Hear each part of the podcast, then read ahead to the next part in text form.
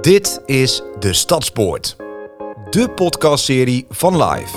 Het ondernemersnetwerk van de vierde musketier en Arise. Waarin we in gesprek gaan met inspirerende mensen en onderwerpen bespreken waar ondernemers vandaag de dag mee te maken hebben. Om ze ook andere ondernemers te inspireren. Welkom en leuk dat je luistert naar onze podcast. Mijn naam is Tim Meijer en het onderwerp van deze aflevering is avontuur. Avontuur klinkt ver weg. Dat heb je alleen als je Nederland verlaat. Maar is dat wel zo? En wat is avontuur eigenlijk? En hoe beleef je avontuur? Daarvoor ga ik in gesprek met drie avonturiers. Die allemaal op een heel verschillende manier avonturier zijn. En misschien er zelfs nog middenin zitten. Bij mij zit Martine. Martine is als zendeling jarenlang naar Afghanistan en Griekenland geweest. Daar heeft ze met haar gezin, man en drie kinderen veel beleefd. Nu is ze speciaal voor ons in Nederland. Nee hoor, maar ze is er wel. En naast dat zit Simon. Simon Visser. Simon is relatiemanager bij Open Doors, spreker en inspireert mensen met zijn blogs en zijn vlogs. In die functie heeft hij al heel veel meegemaakt en avonturen beleefd. Mooie naam trouwens, Simon Visser. De link met Petrus is gauw gemaakt. En tot slot Jacob. Jacob van het Slot. Jacob noemt zichzelf geen avonturier. Maar wat wij weten van hem en wat we zien in wat hij doet, lijkt zijn leven toch een groot avontuur. Maar is dat ook zo? Met zijn bedrijf adviseert hij organisaties en beschermt hij mensen en operaties die in uitdagende en instabiele omstandigheden een bijdrage leveren aan de wereld. Welkom allemaal. Ik zal met een beetje een gekke openingsvraag willen beginnen. We hadden het over avontuur. En ik heb het in het woordenboek opgezocht vanochtend. Avontuur betekent een reeks spannende gebeurtenissen. Herkennen jullie daarin? Simon, mag ik met jou beginnen? Ja, ik denk het wel. Een avontuur. Een avontuur is niet één gebeurtenis, maar er zijn vaak uh, opeenvolgende gebeurtenissen. En uh, wat het avontuur vaak ook veel groter maakt. Dus uh, mijn avontuur is niet iets van vijf minuten, maar dat is vaak toch wel, uh, nou, misschien wel een dag, misschien wel een week, misschien wel nog wel langer. Precies. Dus ehm, ja, dat is niet één gebeurtenis. Leuk. Herkennen jullie dat ook, Jacob of Martine? Jazeker. Ik denk als je ja, op avontuur gaat, dat je ook steeds weer meer avonturen tegenkomt. Mhm. Ja, als je op avontuur gaat, ben je heel erg open voor uh, de dingen die op je pad komen. Ja, ik denk dat uh, als je op avontuur gaat, kom je steeds weer nieuwe dingen tegen. En uh, ik denk dat je die dan ook met beide handen aanpakt. Precies. Dus wat in het woordenboek staat, klopt eigenlijk precies. Ja, ik denk het wel. Aan eenschakeling van spannende gebeurtenissen. Of niet, Jacob? Ja, nou spannend. Ja, soms wel. Maar ook gewoon dat je de uitkomst niet weet. dat dingen nieuw zijn. Dat je uh, een bepaalde weg op gaat en je weet niet helemaal waar het je gaat brengen. Mhm. Dat moet je nog ondervinden en uitzoeken en ervaren. En dat maakt het dan misschien wel een avontuur. Precies, dat dat onzeker is wellicht. Die onzekerheid, ja. Mhm. ja Mhm. en dat knagende voelen een beetje van binnen, die onzekerheid, ja, dat maakt het dan toch een avontuur. Is dat lastig om mee om te gaan voor jou? Nee, ik mis het wel een beetje als ik het niet heb. Ja, precies. Je Dus bent ik- er eigenlijk naar op zoek. Eh, soms wel, ja. En het kan heel wisselend zijn. Dat kan zijn, eh, nou ja, vanuit ons werk zitten we vaak te, te werken met eh, thema veiligheid en ontwikkelingsorganisaties of zendingsorganisaties. Dus er zit natuurlijk al een bepaalde link in. Maar het kan ook zijn dat je naar een land gaat, een bepaalde cultuur. Daar, is, eh, daar hebben mensen bepaalde gewoontes, bepaalde omgangsvormen, een bepaalde vorm van eten. En, en dat is dan ook nog onbekend. En nieuw gebied betreden, dat geeft dan ook van die kriebels. En dat is iedere keer weer een nieuwe ontdekking. Die maakt het ook weer mooier. En dat vind ik verrijkend. Dat vind ik echt gaaf. Ja, kan me voorstellen. En Martien, hoe is dat voor jou? En je hebt eh, jarenlang in het buitenland ge- eh, gezeten. Zij het wel in de Entro, hè? twee bijzondere landen eigenlijk. En het ene is nog wat bijzonderder dan het andere. Hoe eh, was dat voor jou? Je komt daar, dat is alles nieuw. Maar gaandeweg woon je er natuurlijk en word je er meer onderdeel van. Maakt dat dan verschil? Ik denk zeker wel. De eerste keer dat je in een, in een land komt, voel je je best wel vreemd. En eh, komen dingen ook best wel binnen. Hè, de, de geur, de, hoe het eruit ziet. De, nou ja, de kinderen die om je auto heen staan, op de ramen te kloppen omdat ze geld willen. Ja, maakt best wel indruk als je daar dan bent. Maar als je dan al langer bent, dan ehm, raak je daar ook een soort van aan gewend. Hè? Dan, dan leer je ook hoe je daarmee om kan gaan. En ja, dan wordt het ook een, ook een deel van jezelf. Hè? Die, die geuren die je dan ruikt, is, is dan normaal. Zijn dan vertrouwd. Meestal als we dan hè, weer terug in een land kwamen, moest ik wel echt een weekje weer wennen, zeg maar. Hé, hey, dit is toch weer een beetje anders als we Ja. uit Nederland kwamen.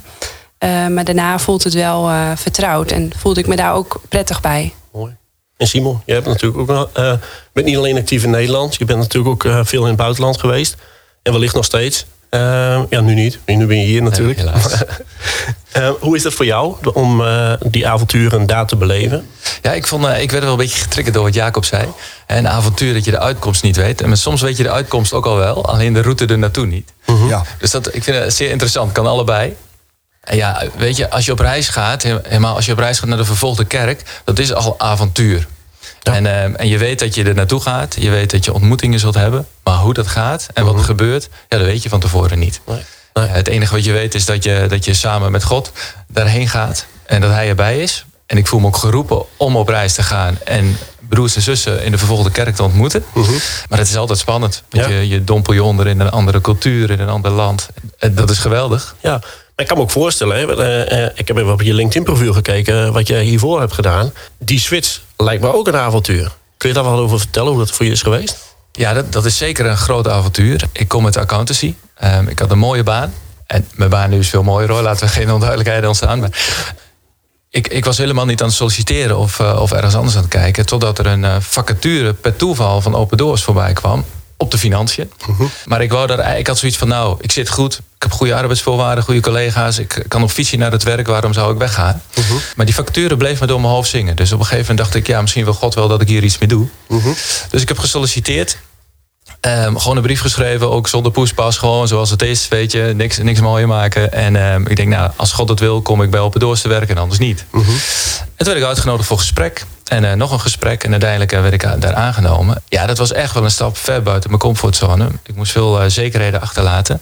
Een echt avontuur dus. Een echte avontuur, ja. Maar ik heb er, ik heb er nooit spijt van gehad. Ja, het, heeft me- het, het werk wat ik doe mag fantastisch zijn. Binnen Open Doors heb ik weer een paar switchen gemaakt. eh, tot, tot wat ik nu aan het doen ben, zeg maar. En, en hoe het eruit gaat zien in de toekomst weet ik ook niet. Eh, het is zo veelzijdig wat ik nu mag doen. Ja, en het, en het blijft wel spannend. Maar het is ook heel helder. Als, als God je roept, ja... Ik zeg altijd, dan moet je gaan. Dus dan moet ik het zelf ook doen. Mooi. Eigenlijk zeg je daarmee dat de, de reis die je met God gaat... eigenlijk ook één groot avontuur is. Mooi. Ja, ik denk als je Jezus volgt... Hè, met handen en voeten, met hart en ziel... Ja. dan is dat een avontuur. Ja, precies. Waar je ook terecht komt. Ja. Ja, en of dat dan Afghanistan is eh, of Griekenland, Martine. Je hebt er al veel van verteld. Hoe is het dan voor jou om nu weer terug te zijn in het, in het koude Nederland? Je vertelde net eh, eh, toen we kennis maakten hier, of we de voorbespreking hadden, dat je de auto moest sneeuwvrij maken. Ik kan me voorstellen, dat heb je in Griekenland en Afghanistan vast niet gedaan.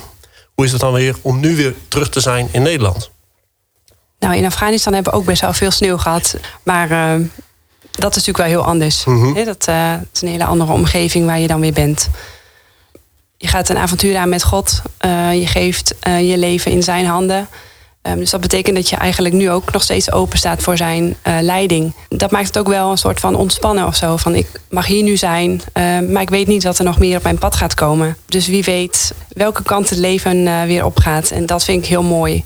Als je je leven aan de Heer overgeeft. Dat, het is nooit saai. Nee. Eh, er komt altijd wel iets weer op je pad. Ja. En ja, ondertussen mag je gewoon vertellen en openstaan voor wat hij eh, geeft. Mooi om die, om die relaxedheid eh, daarin bij jou te zien. Dat je denkt, ik ben nu hier, het is goed. Ik was daar, dat is ook goed. En wat gaat komen, dat is ook goed. Eigenlijk een hele relaxte manier om een avontuur te beleven, lijkt ja. mij. ja, zeker. Jacob, we, hadden het, ehm, we hebben het over je werk gehad al eh, eh, eventjes. eh, ook toen, we, toen we kennis maakten. Toen noemde jij, en dat triggerde mij een beetje... van joh, mijn werk is eigenlijk helemaal niet avontuurlijk. Terwijl, als je bij jou op LinkedIn profiel kijkt... en als je kijkt op je website wat je aan het doen bent... dan denk ik dat heel veel mensen kijken van... joh, die, die man die leeft in een jongensboek. Hoe kom je er dan bij om te zeggen... goh, mijn leven is helemaal geen avontuur? Nou, ik ben wel met je eens dat ik mede door mijn werk, mijn midlife crisis, goed doorgekomen ben. Mooi. Dat, eh, want inderdaad, is het, het leest af en toe een beetje als een jongensboek.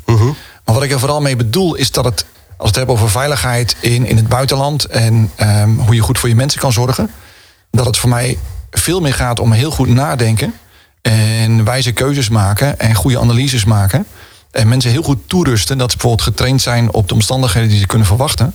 Dan dat je adrenaline gedreven als cowboys avonturen gaat beleven. Dus het is voor mij gewoon, als ik een nieuw gebied ga verkennen. Vlak voor de corona werden nog gevraagd om eh, bijvoorbeeld Mozambique in te gaan, naar het noorden, waar een hele toename van IS is. Dan zal ik daar ook eh, heel stapje voor stapje voor stapje ingaan. Dat gaat niet dat je daar de auto pakt en, en naar het noorden rijdt en eens woest om je heen kijkt van nou, waar zijn die mensen dan?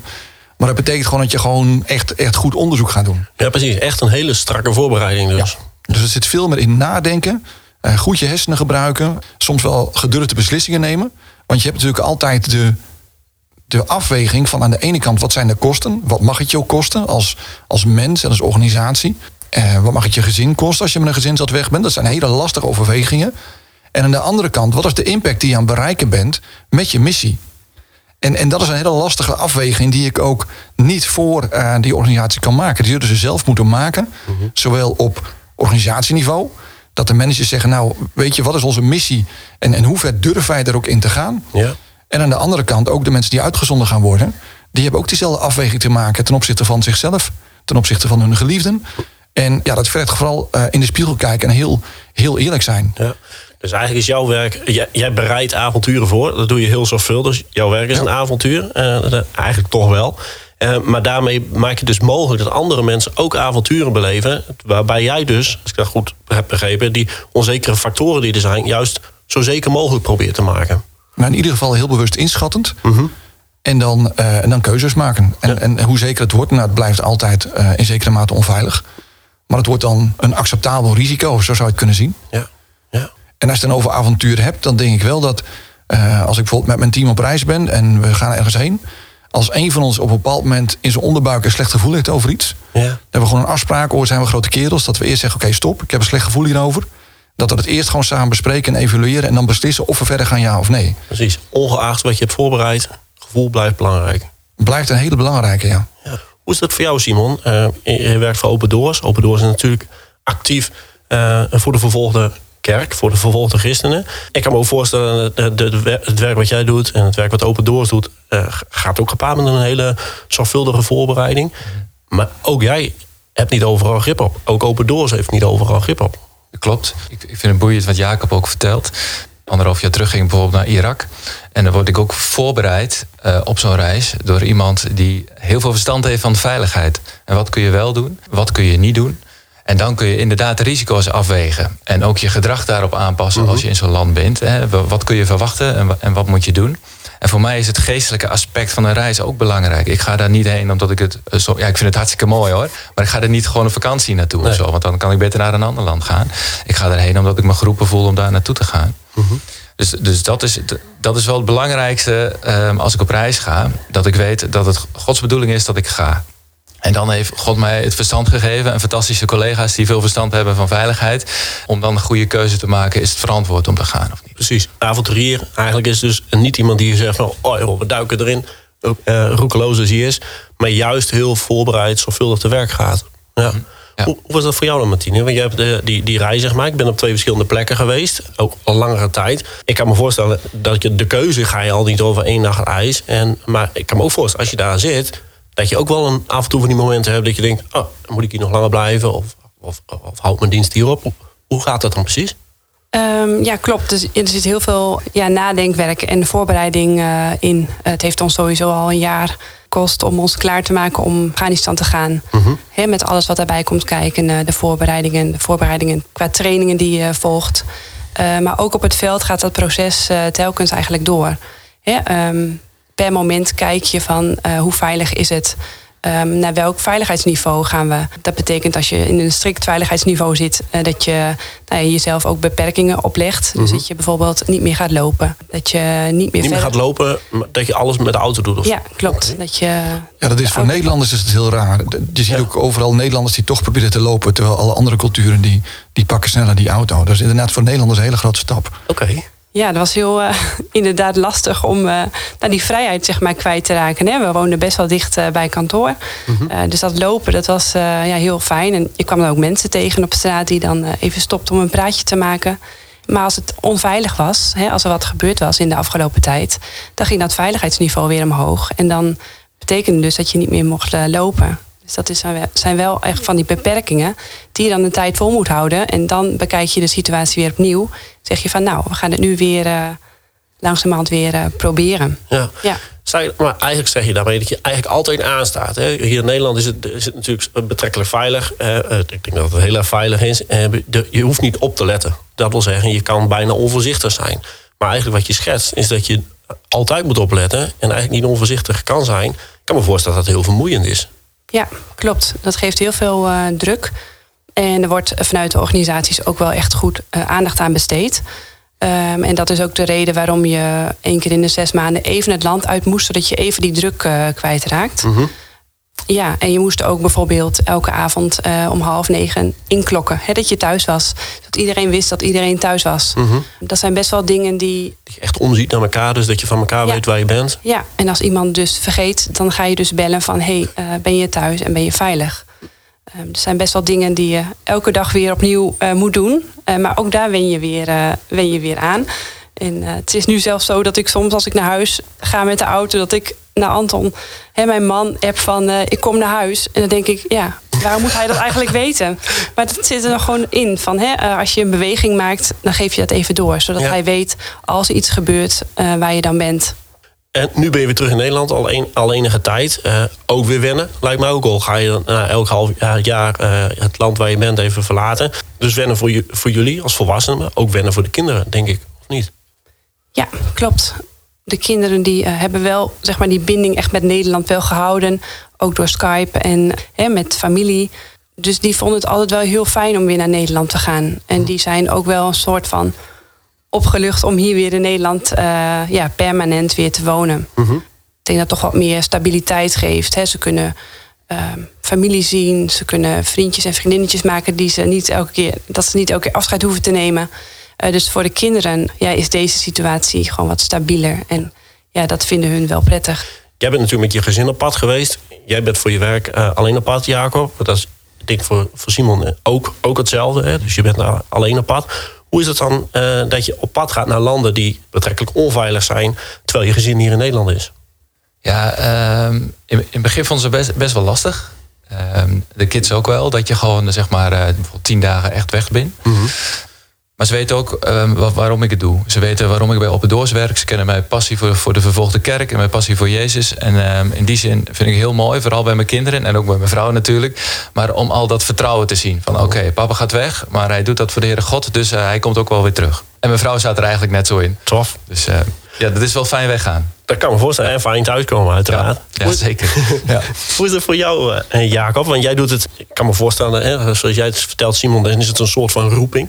Voor jou is het gewoon werk, of niet? Nou, er zit wel een combinatie in. Als ik, ehm, als ik het echt sec als werk zou zien, dan had ik me niet gericht op zendingsorganisaties en eh, NGO's als klanten. Dan was ik dit werk doen voor een grote multinational die internationaal opereert en dan kun je ongelooflijk veel geld aan verdienen. En wij hebben de kwetsbaarste en de armste klantenkring uitgezocht om hen te kunnen dienen. Daar zit Zaak, zakelijk niet heel erg slim, zou ik als ondernemer zeggen. nou ja, dat is zakelijk uitdagend. maar er zit een missie achter. Het gaat, gaat om impact. En er zit ook wel degelijk een roeping achter. Mooi. En ik denk wel. eh, Kun je daar eens wat meer over vertellen? Wat is dan die roeping? als het ware hoe mijn leven gelopen is. Dat ik vanuit de zorg terecht kwam in het gevangeniswezen. Dat ik daar uiteindelijk eh omgeschoold werd tot gijzelingsonderhandelaar. En eh, heel druk was in Nederland. En helemaal geen, mis- geen visie had om iets in het buitenland te doen. Toen kwam ik andere mensen tegen die gingen vragen... wil je een keer in Nederland meekijken? Wil je eens wat gaan doen? En gaandeweg begon er bij mij iets te smeulen van... wacht eens even, als ik dat rare carrièrepad van, eh, van aan de ene kant zorg... en, en, en eh, om leren gaan met eh, mensen met stress en trauma... en aan de andere kant de, de tactische en strategische en, en geweldsdingen... Die, die bij elkaar kunnen brengen. Dat kwam bij wijze van spreken gewoon heel dicht bij elkaar. En als je dan tijd in gevangenis hebt gewerkt... waar ook gewoon heel veel culturen als een smeltpot door elkaar zaten... Toen dacht ik, wacht eens even, dit, dit lijkt alsof mijn hele cv... nu in één keer voorbereid is op, op deze vraag... die ooit in mijn leven zou gaan komen. Nou, daarna ben ik wel bij gaan leren, maar dat zette me wel aan het denken van... hé, wacht eens even, wat is nou Gods plan ook met, met Ja. mijn leven? En in hoeverre eh, is het ook mijn missie om, om anderen te beschermen? Nou, en zo is dat gegroeid als het ware. En daar hebben we uiteindelijk ook ons werk van gemaakt, inderdaad. Cool. Dus, dus ja, er zit wel een dubbelheid in. Dus dat vertrouwen is er gewoon. En aan de andere kant ook gewoon het realisme dat, dat ik doe alles wat in mijn hand is om eh, weer veilig thuis te komen. Ehm, ik heb het volste vertrouwen in, in mijn vrouw dat zij alles doet om het gezin gewoon eh, goed te laten draaien. Dus dat is gewoon wederzijds vertrouwen. En, en de afloop, die gaan we meemaken. Ja, ja. Want ja, weet je, ook in Nederland kan er van, van alles fout Absoluut. gaan. Dus het is niet zo dat, dat het alleen maar eh, daar fout kan gaan. Dat is soms ook wel goed om te beseffen. Ja, ja. Ik vind het wel mooi, hè? Want eh, in de voorbereiding, toen ik hierover nadacht, dacht ik ook veel avonturen. Ehm, ehm, ik denk van, is mijn eigen leven dan een avontuur? Dan denk je erover na. Ga je verder nadenken, denk van ja, eigenlijk kun je in Nederland geen, eh, eh, geen avonturen beleven. En daar moet je voor naar het buitenland. Maar eigenlijk zeg je dus, eh, van, in Nederland zijn even zo goed avonturen. En sluit ook al aan wat is gezegd. Je leven is natuurlijk een, een geloofsreis. Dus kun je in Nederland ook avonturen beleven. Of zie je dat anders? Nee, dat, je kunt absoluut avonturen beleven in Nederland. Oké, heb je er een voorbeeld van? Nou ja, het, het feit alleen dat is van uh, um, in een onderneming kies je een bepaalde klantenkring. Mhm. Omdat je ergens in je hart voelt van daar moeten we ons op gaan richten. Dat Ja. ontstaat een bepaalde passie voor een bepaalde groep. Nou, dat, is, dat barst van onzekerheden. Dus daarmee neem je afscheid van, van een ander bedrijf. En dan ga je ehm, ja, met, met een paar mensen ga je iets opstarten. Ja. Nou, dat is één groot avontuur, dat is één Ja. grote onzekerheid. En er zijn heel wat maanden geweest dat we niet wisten of we, de, of we daarna nog eh, de maand daarna ons salaris zouden kunnen krijgen. Nou, dat is echt wel avontuurlijk. Maar het grappige is wel, als je dan die zekerheden weghaalt, Mhm. dat ze eigenlijk veel minder zekerheid boden als dat je van tevoren dacht. Ja, schijnzekerheid. Het is veel schijnzekerheid. En dat, dat is ook een interessant. Als je gewoon eens die, al die zekerheidjes waar je leven op gebouwd hebt, als je die durft los te laten, dan kan je leven veel avontuurlijker zijn. Mooi. Dus, dus niet zeg maar de verzekering tegen dat je te weinig verzekerd bent en nog, nou ja, dat, altijd soort dingen zeg maar. Maar dat je gewoon, gewoon het leven in de ogen durft te kijken en het gewoon lekker aangaat. Maar, maar eigenlijk is het dus een best wel een, een, een dunne lijn. Hè? Want enerzijds zeggen, we- zeggen we hè, dus dingen, los, le- dingen loslaten eh, om avontuur te beleven. En tegelijkertijd, wat jullie alle drie vertellen, is dat die avonturen dienen zorgvuldig voorbereid te zijn. En ei- eigenlijk is het dus een heel dun lijntje. Of zie ik dat verkeerd, Simon? Je zit me bedenkelijk aan te kijken. Ja, ik kijk je bedenkelijk aan. Het, is beide. Eh, avontuur moet je soms ook gewoon in durven vliegen. Mhm. als, als, er- als er een kans voorbij komt waarop je het avontuur kunt aangaan, moet je dat altijd doen, denk ik. Want dan Mhm. maakt je leven ook een stukje, een stukje leuker. Maar als, als het gaat over op avontuur naar het buitenland, ja, dan moet je wel voorbereiden. Mhm. Je kunt niet nu, ja, je kunt wel op het vliegtuig stappen en gewoon gaan. Maar het is, ehm, denk ik, wijsheid om je een beetje voor te bereiden op zo'n reis en op je verblijf daar. Ja. En ik denk daarbij, hè, een, een avontuur in Nederland, een avontuur als christen.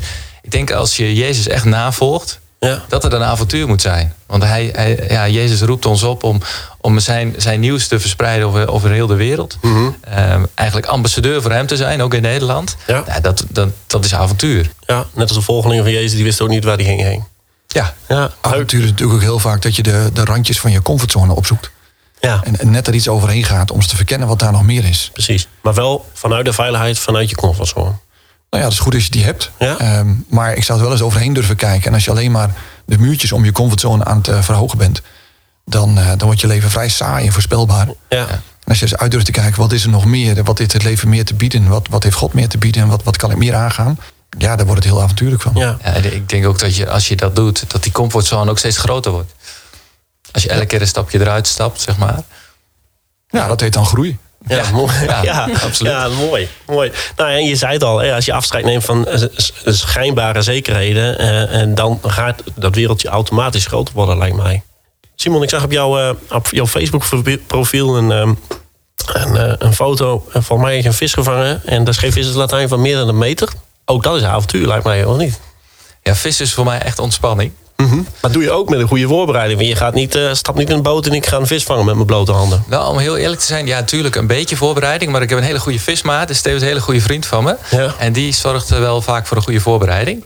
En Dat is dan, eh, helemaal Dan kan ik gewoon naar de waterkant en hij zorgt voor, voor het aas en voor eh, wat lekkers. En, eh, dus, maar dat is voor mij vooral ontspanning en een stukje avontuur wel aan de waterkant hoor.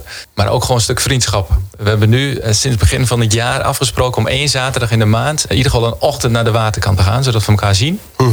En elkaar ook even uitgebreid kunnen spreken. Ja, als we het niet inplannen, dan gebeurt het niet. Maar het, het is wel een stukje avontuur, ja. Ja. Maar dat is, dat is niet voor iedereen weggelegd. Want heel veel mensen vinden vissen gewoon niks aan. Nee, precies. Nee, leuk. Maar eigenlijk zeg je daarmee, hè, een, een avontuur beleef je het mooiste dus met z'n tweeën.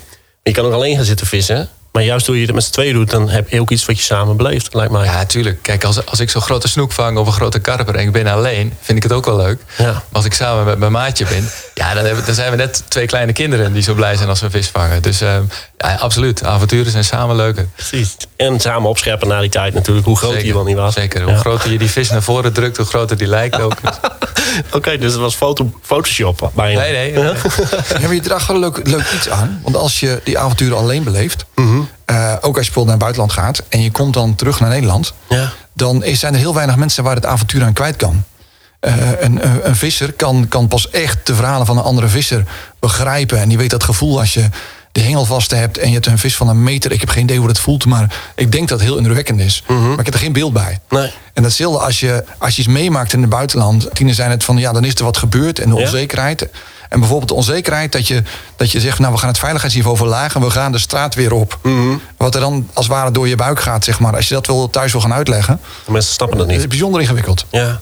En, en dan zie ik wel een soort disconnectie. Dus, dus ja, inderdaad, als je het samen kan beleven of als, er, eh, als je het kan delen met iemand anders in je omgeving, ja, dat kan ontzettend helpen. ja. Hoe is dat voor jou, Martine? Herken je dat? Ja, ik heb ontzettend veel eh, steun gehad aan mijn man, die eh, heel anders is dan mij. Uh-huh.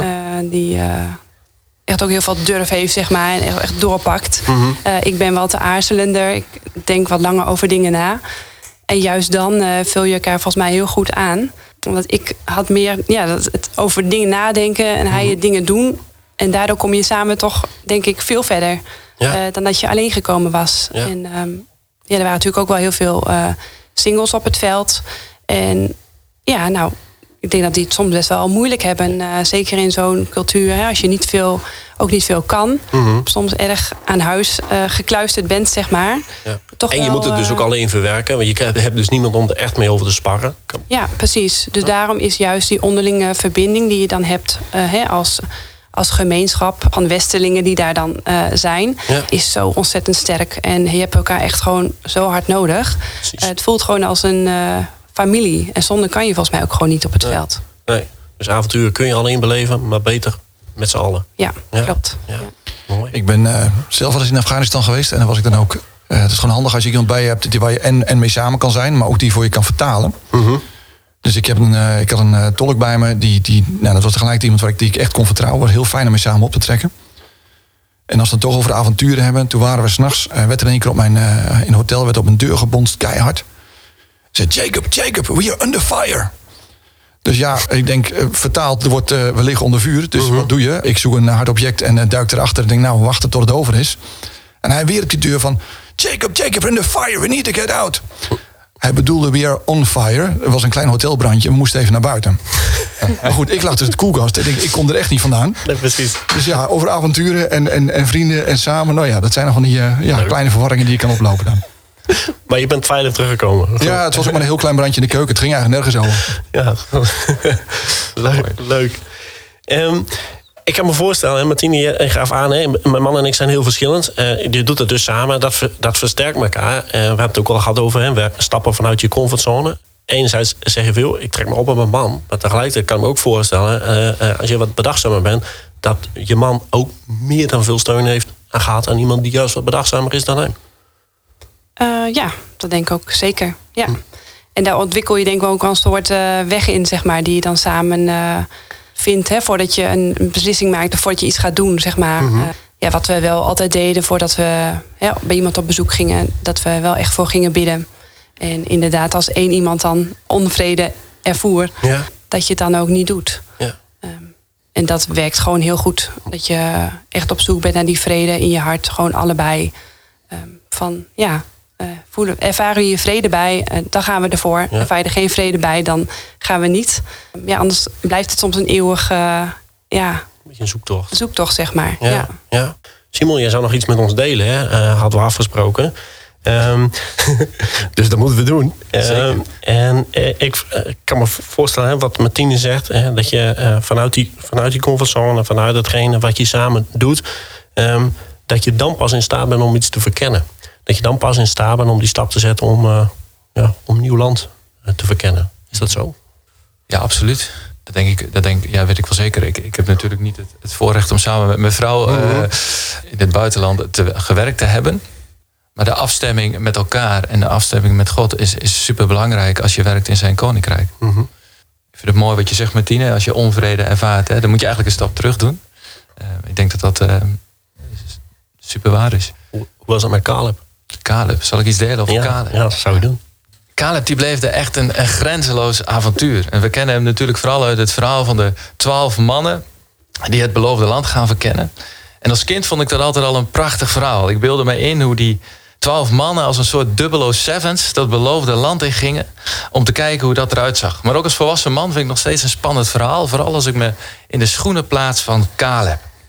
Ja, die twaalf verspieders die gaan in opdracht van Mozes op avontuur naar het beloofde land. En die komen dan na 40 dagen terug met één en dezelfde conclusie. Het is een prachtig land dat overvloeit van melk en honing. Twaalf mannen met één en dezelfde conclusie.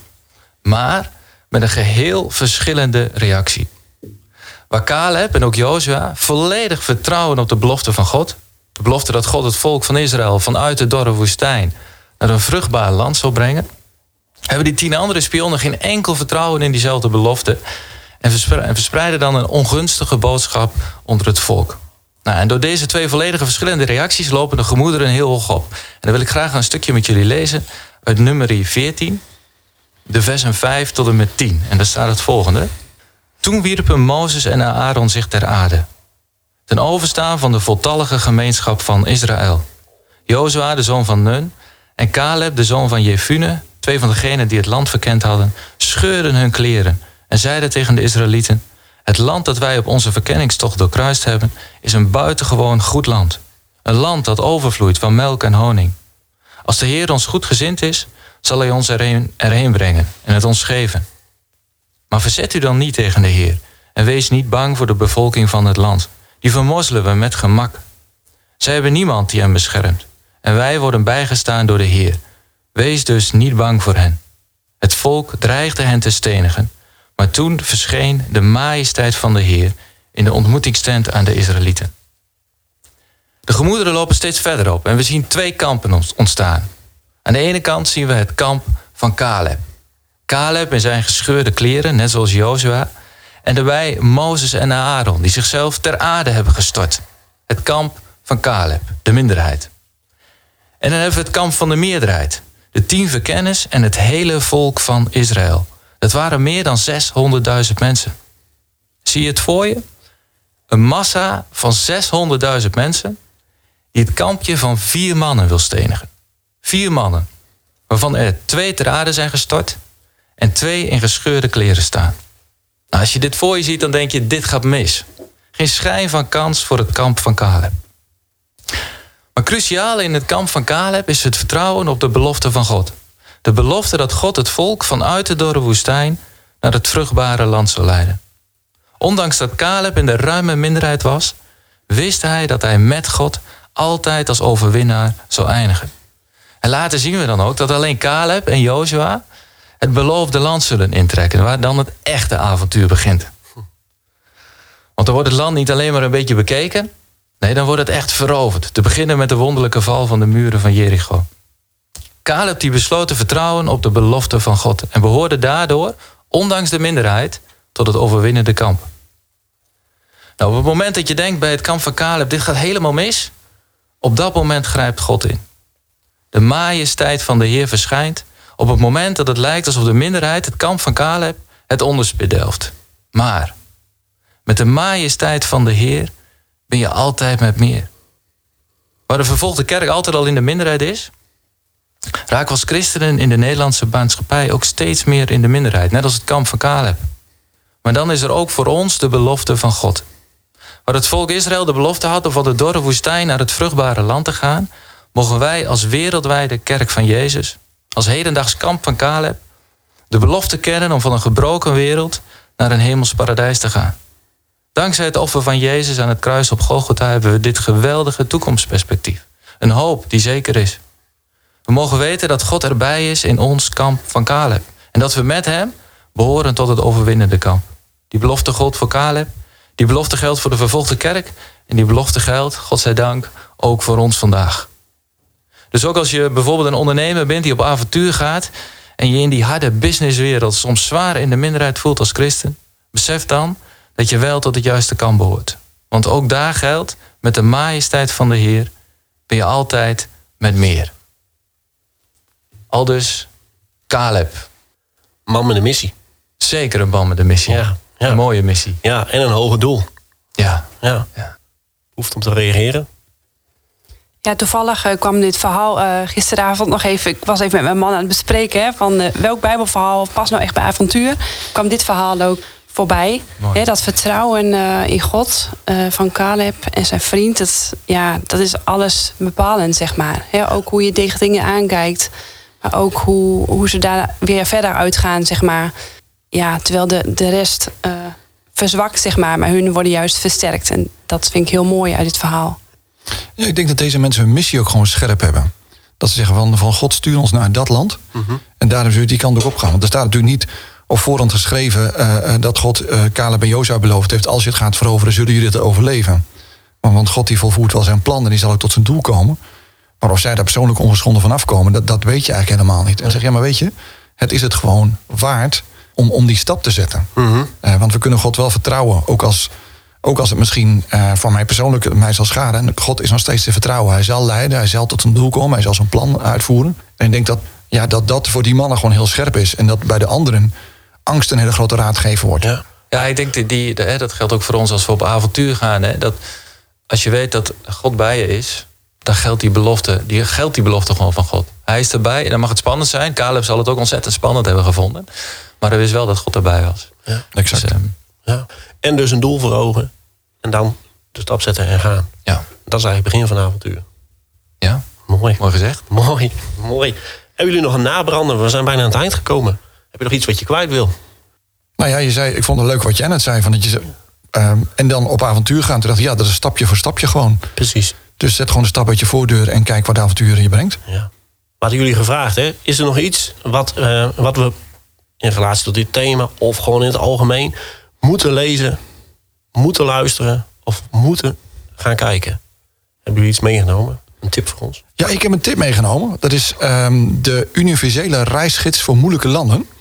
En die is geschreven door Jellebrand Corsius. En het leuke aan het eh, eh, verhaal is, hij verschrijft alle dingen die hij op zijn eigen reizen ontdekt heeft. En dat doet hij op een hele luchtige ehm, manier die bepaald geen angst wekt. Want als je het over spannende dingen gaat hebben, dan wordt het al snel, oeh, dan wordt het spannend. en, en ik denk net zoals bij het volk Israël, angst is een slechte raadgever in die zin. Ik bedoel, angst kan je waarschuwen, dat is goed, maar er moet meer zijn dan dat. En ik vind dat hij op een hele inspirerende manier gewoon beschrijft hoe je daarmee om kan gaan. Leuk, dus mocht iemand op een avontuur willen, is dat Ook voor avontuurlijke vakanties of gewoon om lekker te lezen. Leuk. Maar ik heb tegen mijn kinderen al destijds gezegd... als jullie op reis gaan, spannende avonturen beleven... lees deze even. En die hebben er al met veel plezier van genoten. Leuk. Martine. Ja, ik heb ook een eh, boek meegenomen. Ga naar landen waar, gesloten landen zeg maar, hè, waar het lastig is om eh, nou ja, eh, binnen te komen, waar je eigenlijk niet mag evangeliseren. Vragen mensen hè, hoe- kan je dan het evangelie delen met, eh, met die mensen? Je kan natuurlijk niet gewoon in het dorp op een, op een zeepkistje gaan staan. Ik denk door, door eh, middel van gesprekken kan je hele mooie, ja, hele mooie dingen aandragen, zeg maar. En ehm, daarom heb ik ook dit boek meegenomen. Eh, mocht je geïnteresseerd zijn om nou ja, daar eens in te verdiepen... van hoe kan je nou het gesprek aangaan met andersdenkenden in, in zo'n cultuur... Hè, die wij hebben meegemaakt. Kan je dat doen op een ontspannen manier... waarop je geen- niet in een discussie eh, belandt... Ehm, is het boek van eh, Kate McCord... In het land van de blauwe boerkaars. En ja, het gaat heel veel even over gesprekken. Hoe ga je nou in gesprek met de mensen daar? En hoe kom je nou nader tot elkaar... in plaats van dat je verder bij elkaar... van, van elkaar verwijderd raakt, raakt, zeg maar. Ja. Ja. Juist om het te overbruggen. Mooi. Ja. Mooie tip. En Simon.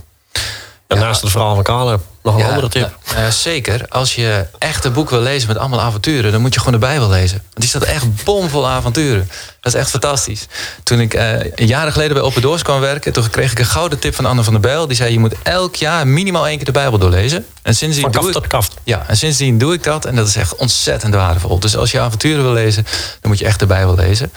En eh, daarnaast, het boek is nog niet uit, maar in het najaar, eh, ik ben zelf druk bezig een boek aan het schrijven. En dat staat ook bomvol avonturen, dus daar horen jullie vast nog meer van. ben benieuwd. We wachten het af. Zijn we aan het eind gekomen van deze podcast. Martine, eh, Jacob, Simon, hartelijk bedankt. Graag gedaan. Dank voor het delen van de avonturen, de inzichten en de, ja, en de mooie verhalen. Luisteraars, bedankt voor het luisteren. En mocht je iemand kennen die deze podcast ook moet horen, deel het dan vooral. En abonneer je ook om onze volgende podcast niet te missen. Wil je meer weten over het onderwerp, over het live netwerk van 4M, schuine streep Arise, of wil je in contact komen met de gasten? Ga dan naar 4m.nl schuine streep Stadspoort. Dit was De Stadspoort. De podcastserie van Live. Het ondernemersnetwerk van de vierde musketier en Arise. Graag tot de volgende keer.